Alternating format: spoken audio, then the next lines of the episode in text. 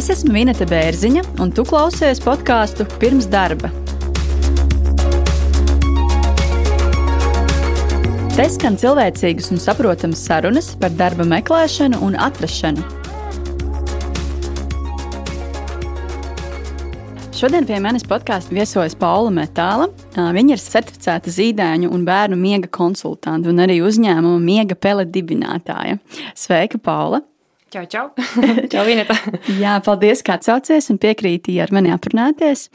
Uh, tad, jā, domājot par tavu profesiju, man raisījās dažādas domas galvā, un es uh, atminējos to, ka man nenāk miegs. Parasti es cenšos kaut ko skaitīt. Zinu, zinu ka citi cilvēki skaita aitas, es vienkārši skaitu ciparus uz priekšu. Un, zini, bieži vien tas nelīdz, teiksim tā, lai, lai aizmigtu, tad, kad tas miegs nenāk. Kāda varbūt ir tava pieredze un ko tu varbūt par to saki, ko, ko varbūt es dzirdēju no citiem cilvēkiem? Ja tiešām tas palīdz vai nepalīdz? Nu, par laika skaitīšanu. Tas var būt veids, kā relaksēties, varbūt, Jā. bet vai tas reāli palīdz tiešām iemigt?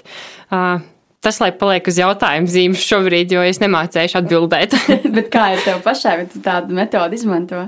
Skaitīt, nē, es neizmantoju kaut ko. Ne?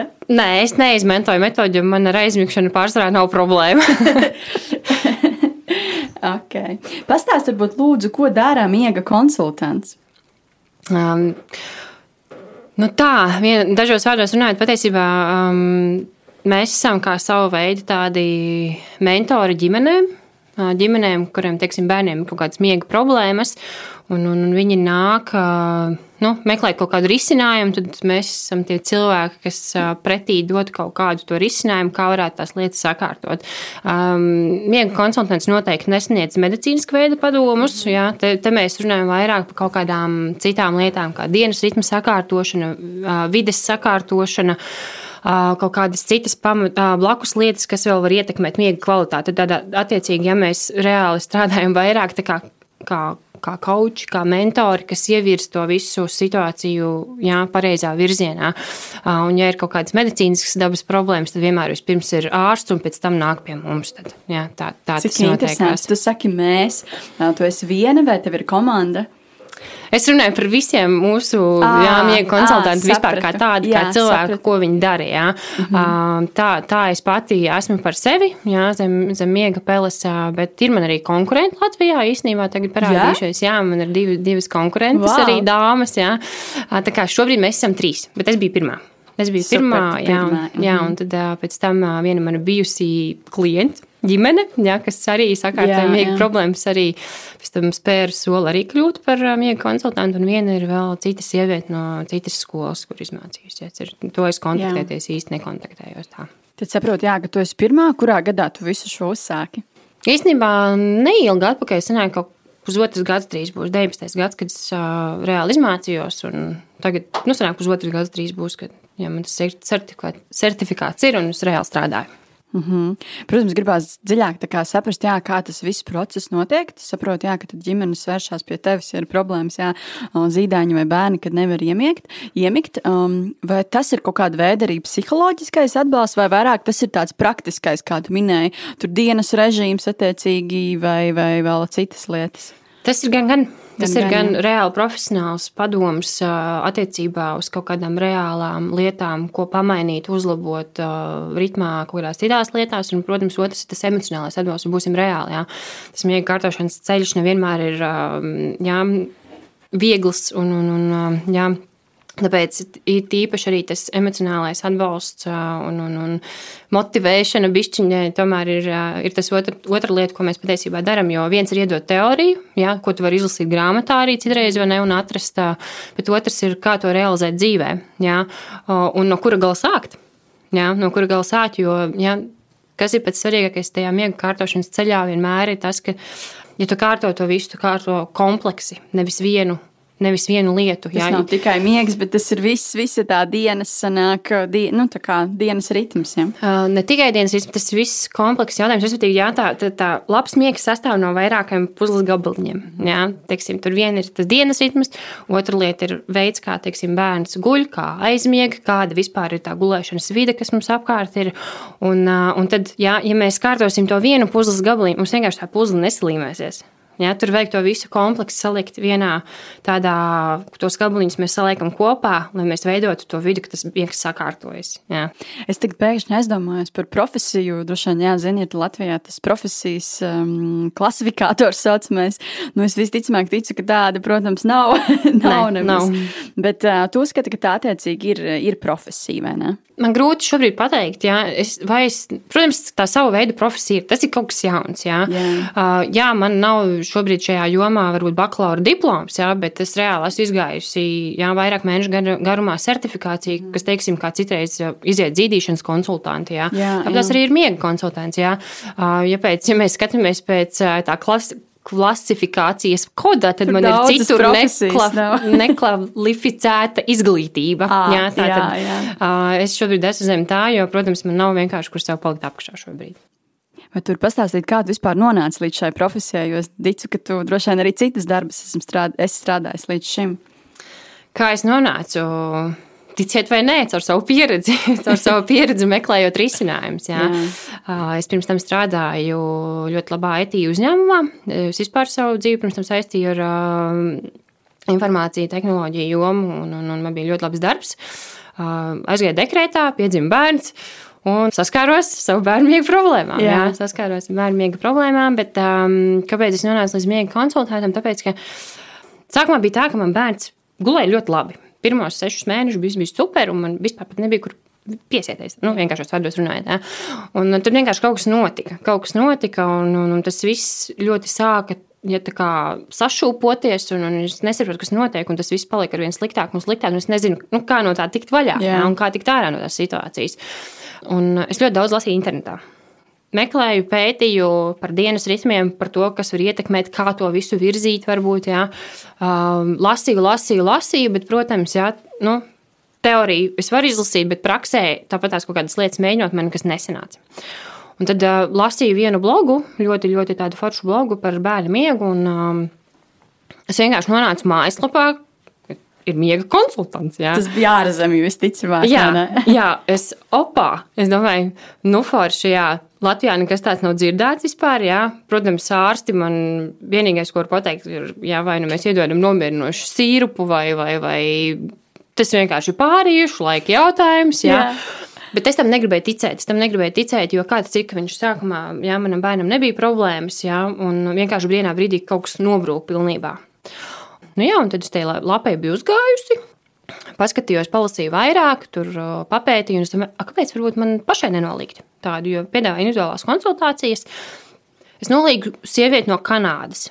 No Kanādas nolīgu vienu miega konsultantu, un, un, un es pie sevis nodomāju, man tā nauda neko dzīvē vairs nemainīs. Jā, tur uh, vai nu tā situācija noteikti vai nu nepaliks sliktāka, ja, vai arī otrs variants, ka viss sakārtosies. Ja. Tā kā visi, protams, bija ļoti skeptiski par to jautājumu. Kas tas vispār bija konsultants? Kāds tur tagad vispār domā naudu sūtīt kādai sievietei ārzemēs, ka tu pat nezini vispār, ko tu dabūsi pretī. Ja? Jā. Un tad uh, es pateicu, nu, ka uh, tas būs mans lēmums, tā kā es vairāk arī laiku pavadu ar bērnu, tad es arī spēru šo soli. Un, un, un visi, protams, bija ļoti skeptiski un īsti tur neatbalstīja. Bet es vienā neklausījos, godīgi sakot, un es izdarīju tā, kā es jūtu, kā vajag darīt. Un, jā, un tici vai nē, ja, divu nedēļu, laikā mans bērns vienkārši sāk normāli gulēt. Wow. Un tā bija tā mana dzīve mainošā pieredze. Es vienkārši, jā, tiešām tas bija tāds wow. Tu esi nocīnījies entos mēnešus, tev bērns neguļ. Tev vajag divas nedēļas, lai tu vienkārši gulētu 12 stundas normāli. Jā. Un, un tāds viss arī sākās. un Es daudz sāku vairāk lasīt par to, no kurienes tā sieviete nākusi, ko viņa ir izmācījusies. un Tad es nonācu līdz tai skolas lapai. Un visu, un tad man tas nākamā spuldzīte iedegās, "A, kāpēc man pašai varbūt neizmācīties? Jo Latvijā nekā tāda nav. Jā. Viens ir tikai ārstu teiktais viedoklis, ka tur neko nevar darīt, tas viss ir jāpārdzīvā Jā. un izrakstām homeopātiskos līdzekļus, jā, ejam uz visādām baha terapijām, jā, ziedu. Un, un, jā, un tad vienkārši, vienkārši nolēmu spērt šo soli beigās par mācīšanos. Super. Pastāst vairāk par to jāmācību procesu un programmu, cik tas ilgi jāmācās, cik tas maksā, cik tas aizņem laiku un, un jā, kā, kā tas vispār viss notiek, jo man nav ne jausmas. Par mācībām ilgums kopumā bija sanāk kaut kādu pusgadu ar visu gala darbu rakstīšanu un, un, un strādāšanu ar ģimenēm. Respektīvi, jā, tur, prakses stundas kaut kādas. Nu, reālā praksa, kas arī bija, jā, bija teorijas, lekcijas, un pēc tam tās prakses stundas, kad tu reāli sāk strādāt ar ģimenēm. Maģistra darba veidā uzrakstīja tādu, tādu darbu beigās, un jā, tas bija pusgads kaut kāds. Par izmaksām runājot, tās mācības izmaksāja man pie kaut kādiem 4000.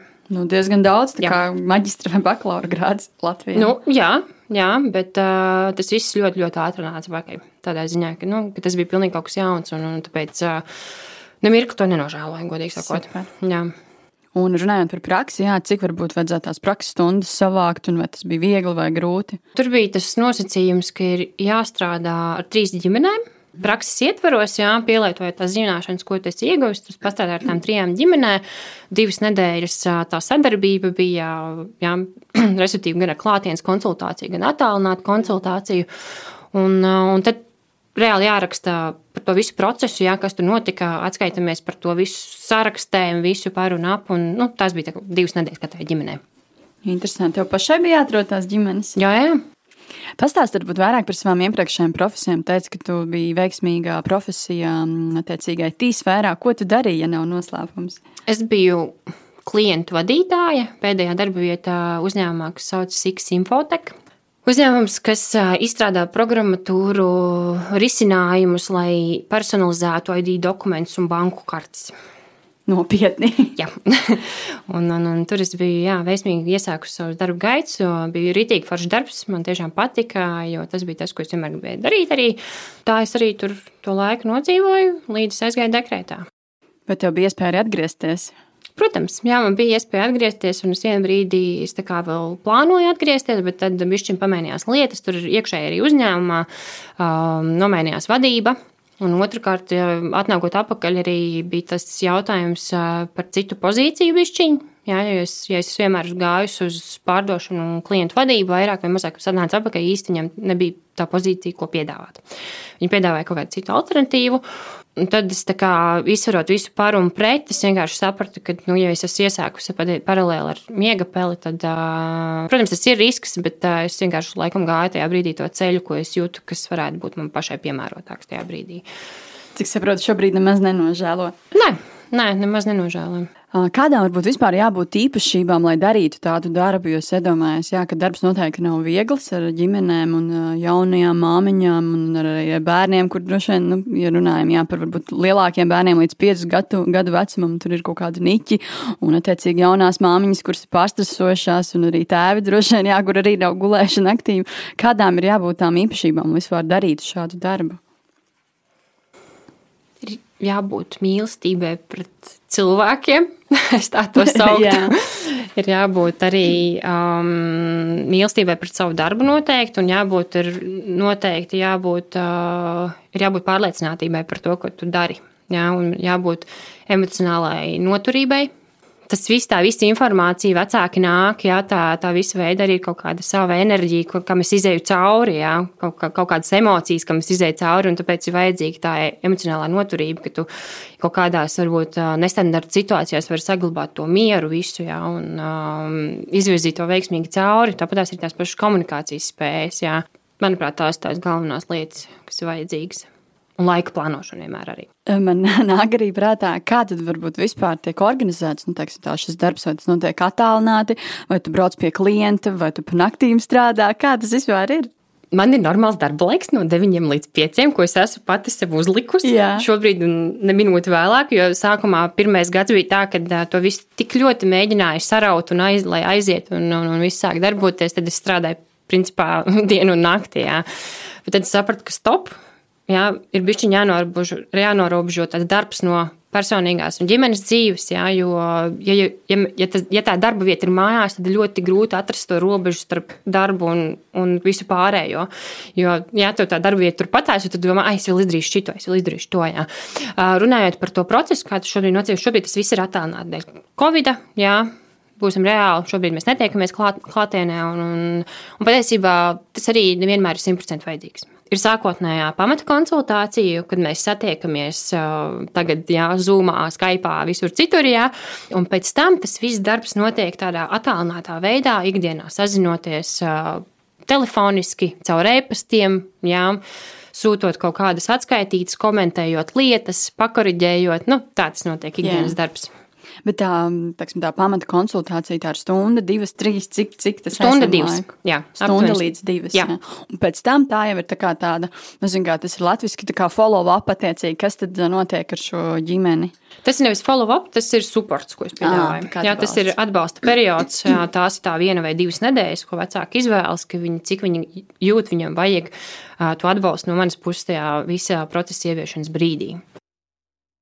Tu strādā vairāk ar ģimenēm vai arī ar pašiem, ar pašiem bērniem arī varbūt komunicē un uh, jautā? Ne, tikai vecākiem. Tikai, tikai, vecākiem. tikai vecākiem, jā. jā. Saruna ir pusē. Ja esi noklausījies tik tālu, tad iespējams kaut kas no dzirdētā tevi uzrunāja. Varbūt tev pašam ir savs stāsts vai padoms, kas var interesēt mana podkāstu klausītājus. Aicinu arī tevi podkāstā, raksti man, kontaktus atradīsi epizodes aprakstos un sociālajos tīklos. Pastāsti sīkāk, jā, kā tas viss notiek, kādi ir tie padomi, ko, ko, ko, ko tu saki, un kādas, kādas varbūt ir tās metodas. Jo nu, man nav bērnu, man ir godīgi daudz jausmas. Tas reālais darbs, kā notiek. Tātad mm, pirmkārt skatāmies uz to, vai bērnam ir atbilstošs dienas ritms viņa vecumam. Jā, tātad, uh, Lai arī katrs bērns, protams, ir individuāls, ir kaut kādas reālas, reālas tās galvenās ievirzes dienas ritmu jautājumā, un parasti kaut kādā noteiktā vecuma posmā ar aptuveni, teiksim, vai nu tur viena dienas, vai divas dienas, vai trīs vai cik. Ja, un tad, attiecīgi, ja kaut kas ir ārpus normas, mēs sākam to sabīdīt pareizi. Ja. Mm. Tieši tāpēc tas attiecināms arī uz dienas ritmu jautājumu, mošanās, gulētiešanas jautājumu. Mēs to arī pakuriģējam. Respektīvi, tas ir tas dienas ritms bloks, ja, pirmā lieta. Otrā lieta - veids, nevis veids, bet vieta, kā bērns guļ. Vai tas ir istabā, vai tas ir ratos, vai tas ir kaut kādā citā veidā. Jā. Kāds ir tumsas līmenis istabā uz gulēšanas laiku, kādus, teiksim, vēl ir blakus lietas, ko cilvēki ir ieviesuši, vai ir kaut kādi rituāli, pirmsmiega rutīnas izveidotas. Jā. Um, baltās trokšņu iekārtas, viss kaut kas. Jā. Tās ir tās, tās vides lietas, par ko mēs parasti runājam, ko es iesaku pamainīt. Un tāpat tās trešā lieta, tas trešais bloks parasti ir, jā, ir, ja bērnam ir kaut kādas izveidojušās aizmigšanas asociācijas, kas dažkārt arī var kļūt par savu veidu miega problēmu, tad jau mēs runājam par procesuālo pusi, ka mēs strādājam pie bērna aizmigšanas jautājumu, kā bērns aizmiega. Ko tas nozīmē? Pastāsti. Ir dažādi veidi, kā bērni aizmieg. Jā, tātad, respektīvi, ja mēs runājam par zīdaiņiem un maziem bērniem, visideālākais, uz ko tiekties, vienmēr ir, ka bērniņš spēja aizmigt pats, bet nevis viņa, teiksim, visu laiku ieeja uz rokām vai, teiksim, tur varbūt pie krūts aizmieg. Es nesaku, ka tas nestrādā, ka, teiksim, ka bērns nevar gulēt arī, ja ir tas ieviests, jā, bet bieži vien vecāki nonāk tajā aburtajā lokā, ka šāda veida aizmigšanas asociāciju piekopšana var radīt to, ka bērns vienkārši vairs nespēja pats savienot miega fāzes. Un veidojas saburtais lokus, ja, ka, teiksim, ka bērns ceļās ik pēc stundas, divām vai pēc pusstundas un vairs neguļ tikai tādēļ, Ja, tas, nu, kā viņš aizmiga. Ja, ja viņš aizmiga vienos apstākļos, bet viņš pēc aizmigšanas nonāk citos apstākļos, viņš ceļās augšā. Tāpēc, kā pieaugušiem, ja pieaugušais aizmigtu vienā vietā, bet pēc tam naktī pārceltu tevi uz citu vietu, vai tu arī nemostos? Protams, ka palīdz. Neizpratnē, jā. jā. Tāpēc, jā, ja, teiksim, tas, tas arī vēlreiz ir citreiz ļoti svarīgs faktors, jā, kas ietekmē to bērnu miega kvalitāti. Bet es nesaku to, ka, jā, ka, ka nevar gulēt bērns, ja arī viņš aizmieg, teiksim, pie krūts. Jā, ir, bēr, ir, citu, ir bērni, un, un, un, un, kas tiešām viņiem, neskatoties to, kā viņi aizmieg, viņi arī guļ. Jā, tie, es runāju tieši par, tiem, jā, par tām situācijām, ka tur ir jau reāli rītīgi problēma izveidojusies jau tajā apakšā vispār. Uh, Nu tā, tā par, tie ir tie pamat trīs bloki īstenībā. Kas varbūt ir tādi vislielākie atklājumi vecākiem, kuri nāk pie tevis uz konsultācijām, un ko varbūt viņi nekad nav aizdomājušies, un kas varbūt ir tāds tipiskākā atklāsme vecākiem? Dienas ritms, es domāju, um, it kā vienkārša lieta, bet uh, Vecāki citreiz um, ir ļoti lielā šokā par to, ka bērnam ir ok gulēt, iet septiņos, nevis deviņos, jā, vai tur uh, pat sešos, varbūt vakarā ir ok iet gulēt. Jā. Um, tas dienas ritma jautājums patiesībā vienmēr ir tas pats primārais, jā, kas noteiks to, vai bērniņš gulēs normāli vai nē. Ir, protams, bērni, kuri neatkarīgi no tā, cik viņi ceļās un cik viņi iet gulēt, viņi citreiz guļ. Jā, bet uh, ir bērni, kuriem ir sensitīva attiecībā uz šo jā, ritmu jautājumu. Viņiem kaut kādas pat pusstundas ritma nobīdes jau viss. Jā, tu vari paredzēt to, ka viņš naktī varbūt celsies jau. Jā, jo tajā brīdī, kad bērni ieiet pārgājuma fāzē, viņi sāk mosties. Un, un tāpēc viņiem tas lielākais šoks, kā septiņos, jūs nopietni Nu, nē, es nezinu, vai mēs varēsim to realizēt. Jā, es teiktu par to dienas ritmu, ka tas ir lielākais šoks noteikti. Tu iepriekš minēji balto troksni, jā, varbūt var pastāstīt, kas, kas tas ir klausītājiem, un uh, minēji arī par ierīcēm. Kas tās ir par ierīcēm, kuras var iegādāties, un vai arī uh, var arī var izmantot varbūt vienkārši Spotify baltajam troksnim?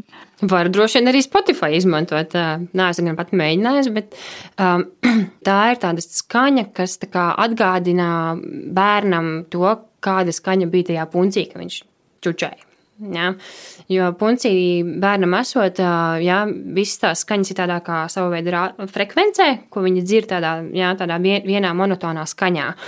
Un tad, attiecīgi, tas baltais troksnis no, nu, tā ir tā imitācija tam, tam, tam troksnim, kas ir bijis vēdā. Ar to mērķi, teiksim, kāpēc var izmantot to balto skaņu, un dēļ tā, teiksim, ja ir maz, pavisam maz zīdainīts, tad, tad var palīdzēt reāli mazu cilvēciņu nomierināt tā skaņu, jo viņiem tas ir asociējis ar kaut ko pazīstamu, jā, tikko jaundzimušam bērnam, jo viņš visu laiku dzīvoja ar skaņu punciju. Jā. Un tieši tāpat arī pildu to funkciju ar kaut kādu trokšņa izolāciju. Jā. Ja, mēs, ja mēs runājam par reālām miega problēmām, un, teiksim, ja bērns ļoti, ļoti trausli un tramīgi guļ, tad jebkura skaņa var bērnu uzmodināt, un tajā gadījumā arī to skaņu ir vērts ieviest. Jā. Uh, ir speciāls baltā trokšņa iekārtas, ko var iegādāties. Jā, Latvijā īsti vēl es neteiktu, ka būtu plaši pieejamas. Um, Bišķiņi kaut kādu uzņēmumu tur sāk kaut ko pārdot, uh, bet, bet jā, ir jā, ārzemēs var ļoti plaši nopirkt jau Amazon arī var pasūtīt. Speciāls tādas skaņas iekārtas, ko var izmantot reāli uz gulēšanu. Arī ne tikai bērniem, bet arī pieaugušiem var izmantot, kuriem reāli kaut kādas aizmigšanas vai gulēšanas problēmas īstenībā. Bet runājot jā, par pieaugušiem, visas šīs metodas un padomi, ko tu iepriekš minēji, un principi, vai tas dara arī pieaugušiem, vai tas ir tikai bērniem? Savā ziņā dara arī pieaugušiem. Jā, protams, tā, arī tieši tāpat dienas ritma jautājums arī par pieaugušiem ir tā, ka uh, pieaugušiem arī vienmēr būs uh, vērtīgāk celties agrāk un agrāk iet gulēt. Te ir tas, es domāju, ka jebkurš ir dzirdējis to, ka tas ir, jā, ja jūs aiziesiet gulēt vai nu pusnaktī vai divas stundas agrāk, jā, tās divas stundas agrāk, desmitos vakarā būs pielīdzināmas četrām stundām miegā. Tātad tas viss miegs, kas nāk pirms pusnakts, vienmēr ir pats superīgākais un kvalitatīvākais, kas vien var būt. Un, ja cilvēks nesaņem to kvalitatīvo miegu, tad pēc tam cilvēks nākamajā dienā var justies slikti īstenībā. Noguris nogurst var justies, jā, jo tas ir tas primārais, dziļākais miegs, kurš vistiešākajā nozīmē atjauno, atjauno visus organisma resursus, smadzenes atpūtina visvairāk, jā, lai varētu normāli darboties nākamajā dienā. Tāpēc arī stundu skaits jāskatās vienmēr arī ne tikai bērniem, bet arī pieaugušiem. Optimāls stundu skaits ir 7 līdz 9 vismaz, jā, vidēji. jā. Tā kā ir lietas, ko var sasaistīt arī ar pieaugušām miegu, noteikti. Esmu dzirdējusi, ka daudzi pieaugušie arī guļ dienas, tīpaši tagad, kad ir iespēja strādāt no mājām. Esmu dzirdējusi, ka daži paņem pusstundiņu un paguļ dienas. Ko tu par to domā? Vai pieaugušiem, tavuprāt, ir jāguļ dienas, vai tas nav nepieciešams? Uh, nu, ja mēs skatāmies tā tīri no teorijas, ja, tad, ja, teiksim, ja pieaugušais paguļ dienas, tad viņš ļoti vēl aizies gulēt uz nakti. Tas nozīmē, to, ka tas viss vakar gulēšanas laiks nobīdīsies un nevarēs aizmigt vakarā. Jā. Mm. Uh, tā ir, ka tās dienas guļ, tad mēs nevaram aizmigt ātrāk par kaut kādu pusnakti. Jā, mums tāpat tajos kaut kādos 6, 7 vai cikos ir jāceļās. Jā. Uh, un vienkārši cilvēks var justies sliktāk līdz ar to, par ko es arī pirms tam runāju, jā, ka ir svarīgs tas pirmās. Jā, pirmās stundas līdz 12. vienmēr. Jo man arī tā, ja es paguļu dienas, kaut vai pusstundu, visas nevar tikt ātrāk gulēt. Nu, es, nu, tad, tad gan ir tas brīdis, kad es reāli nevaru aizmigt. Un es vienkārši zinu, ka es neaizmigšu, un tāpēc es neju tik ātri vairs gulēt. Ja? Jo pareizi šajā mūsu pieaugušo vecumā, nu, ka tā dienas teorētiski vairs nav nepieciešama, ja, ja viss pārējais sakārtots. Viens no pēdējiem jautājumiem, ko es gribu pavaicāt, vai šo profesiju Latvijā vispār var nopelnīt, vai tomēr nu, tā vairāk ir ārzemēs populāra profesija? Um, nu, ņemot vērā, ka es līdz šim esmu izdzīvojis, es domāju, jā. ka var nopelnīt. Jā. Uh, tas ir mans pamatdarbs, un uh, es arī pilnīgi sev varu normālu algu izmaksāt. Tā kā no tā var nopelnīt. Noteikti var. Par nākotnes plāniem runājot, uh, kādi jā, ir tavi nākotnes plāni? Vai tu plāno varbūt lielāku komandu veidot, un, un, un vai plāno varbūt arī nākotnē ar pieaugušiem strādāt, ne tikai bērniem? Uh, nākotnes plāni šobrīd Vai es veidošu lielāku komandu, šobrīd es stipri šaubos, jo ņemot vērā to, ka arī bišķiņ tā vispār ekonomiskā situācija valstī ir pamainījusies, tas tā noslodze nav tik liela, kā varbūt man bija pašā sākumā, ka visi, ja, kad tikko viss aizsākās. Šobrīd es ļoti labi tiek galā pati. Jā, es tieku galā un es jūtu, ka man šobrīd palīdzību no malas tā kā nevajag. Protams, jā. es tur ārēji paņemu man kādu, kas uztaisa tur dizainu vai, vai tur finanšu lietas sakārto, jā, bet tas jau ir vienkārši paņemt kā blakus, jā, um, freelanceru saucamā. Un, bet tā tīri kaut kādu, jā, vēl vienu cilvēku darbā aicināt, šobrīd nav tāda plāna. Plāns, protams, ir mācīties arī, jā, visu laiku papildināt savas zināšanas ar visu kaut kādiem papildus kursiem, tālāk izglītības kursiem, kas man ir obligāti īstenībā, lai es varētu saglabāt to certifikāciju. Man ir katru gadu jāaiziet papildus kursi, piecu, piecu punktu, ceļu punktu saucamo apmērā, un līdz ar to man ir jāizglītojas visu laiku, un tad vienā brīdī es vēl domāju par jā, vēl vienu papildus uh, izglītību arī saistītu ar uh, latviski, ar, respektīvi ar bērnu uzvedības jautājumu. Jā, teiksim, ir miega konsultāts, ir arī konsultanti, kas strādā ar bērnu uzvedības sakārtošanu. Jā, jā tā kā citreiz to arī dara psihologi, jā, vai, vai tā, tādas personas, tad ir, ir var vienkārši kaut kādām reālām stratēģijām, var kārtot arī tādas uzvedības lietas. Uh, nu, kaut kas tāds, bet tas ir vienkārši tā, var būt. Simtprocentīgi nesaku, ka es to mācīšos, bet nu, tā do, doma kā viena brīdi bija, bet nu, te jau redzēs, kā būs. Plus vēl plānojiet maģistrā. Super. Tas arī tas arī, vai ko tādu? Uh, nē, to es gribu bišķiņ pa, pa citu tēmu, ko es esmu iesākusi pirms tam mācīties. Es mācījos uh, par uh, eksporta, starptautiskais biznesa eksporta menedžments, ko es arī pirms tam darīju. Uh, tad man tā doma, uh, es tomēr gribu pabeigt arī maģistra līmenī, un, un, un uh, lai man arī tā miega peli ir, jā, vienmēr, lai ir kaut kāds backup plāns, uh, ko darīt, ja kādreiz kaut kas varbūt noiet tā, ka, nu, Cik tu nekad dzīvē nevar zināt, un vienmēr papildus zināšanas iegūt šādās jomās uh, ir nepieciešams. Uh, par psihologu izglītību šobrīd laikam es nedomāju. Tas, ko es noteikti varu pateikt par to, ka man diena paskrien vienkārši nenormāli ātri. Man nav dienas, kad es sēdētu un neko nedarītu. Nu, šodien arī, kā apsēdos deviņos no rīta, tur pa, pa vidam 5 minūtes pusdienas pārēdu un viss, un līdz pašam pēdējiem brīdim, kamēr līdz jums bija jābrauc. Tā, tāda ir mana diena. Jā. Ja nu gadījumā šo epizodu klausās kādi noguruši vecāki, vai viņi var tev piezvanīt?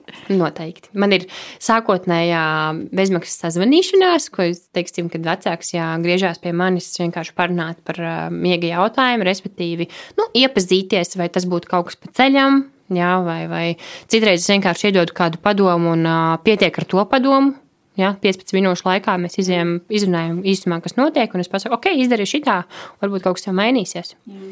Jo citreiz arī pietiek pilnīgi ar, pat ar vienas stundas konsultāciju, ka pēc tam ģimene manāk apakaļ un pasaka, oh, paldies, reāli sakārtojas tās lietas, jā, tā kā, jā, droši. Mēs noteikti norādīsim tos kontaktus epizodes aprakstā. Tā kā Paula, liels paldies, ka atnāci, pastāstīji savu stāstu un pastāstīji par šo neparasto profesiju. Es iepriekš nebiju dzirdējis, ka kaut kas tāds ir Latvijā vai pasaulē, un ticu arī, ka klausītājiem bija ļoti interesanti paklausīties, ko tad dara miega konsultants. Paldies! Paldies! Tā! tu noklausījies podkāstu pirms darba. Lai nepalaistu garām nākamās nedēļas epizodi, seko maniem ierakstiem LinkedIn un Facebook. Abonēt jaunās epizodes un noklausīties iepriekšējo sezonu intervijas var visās podkāstu platformās un YouTube. Ja esi pozitīvs un vēlies atbalstīt manu darbu, raksti komentārus un pārsūti manus ierakstus savam draugu pulkam. Uz tikšanos podkāstā pirms darba!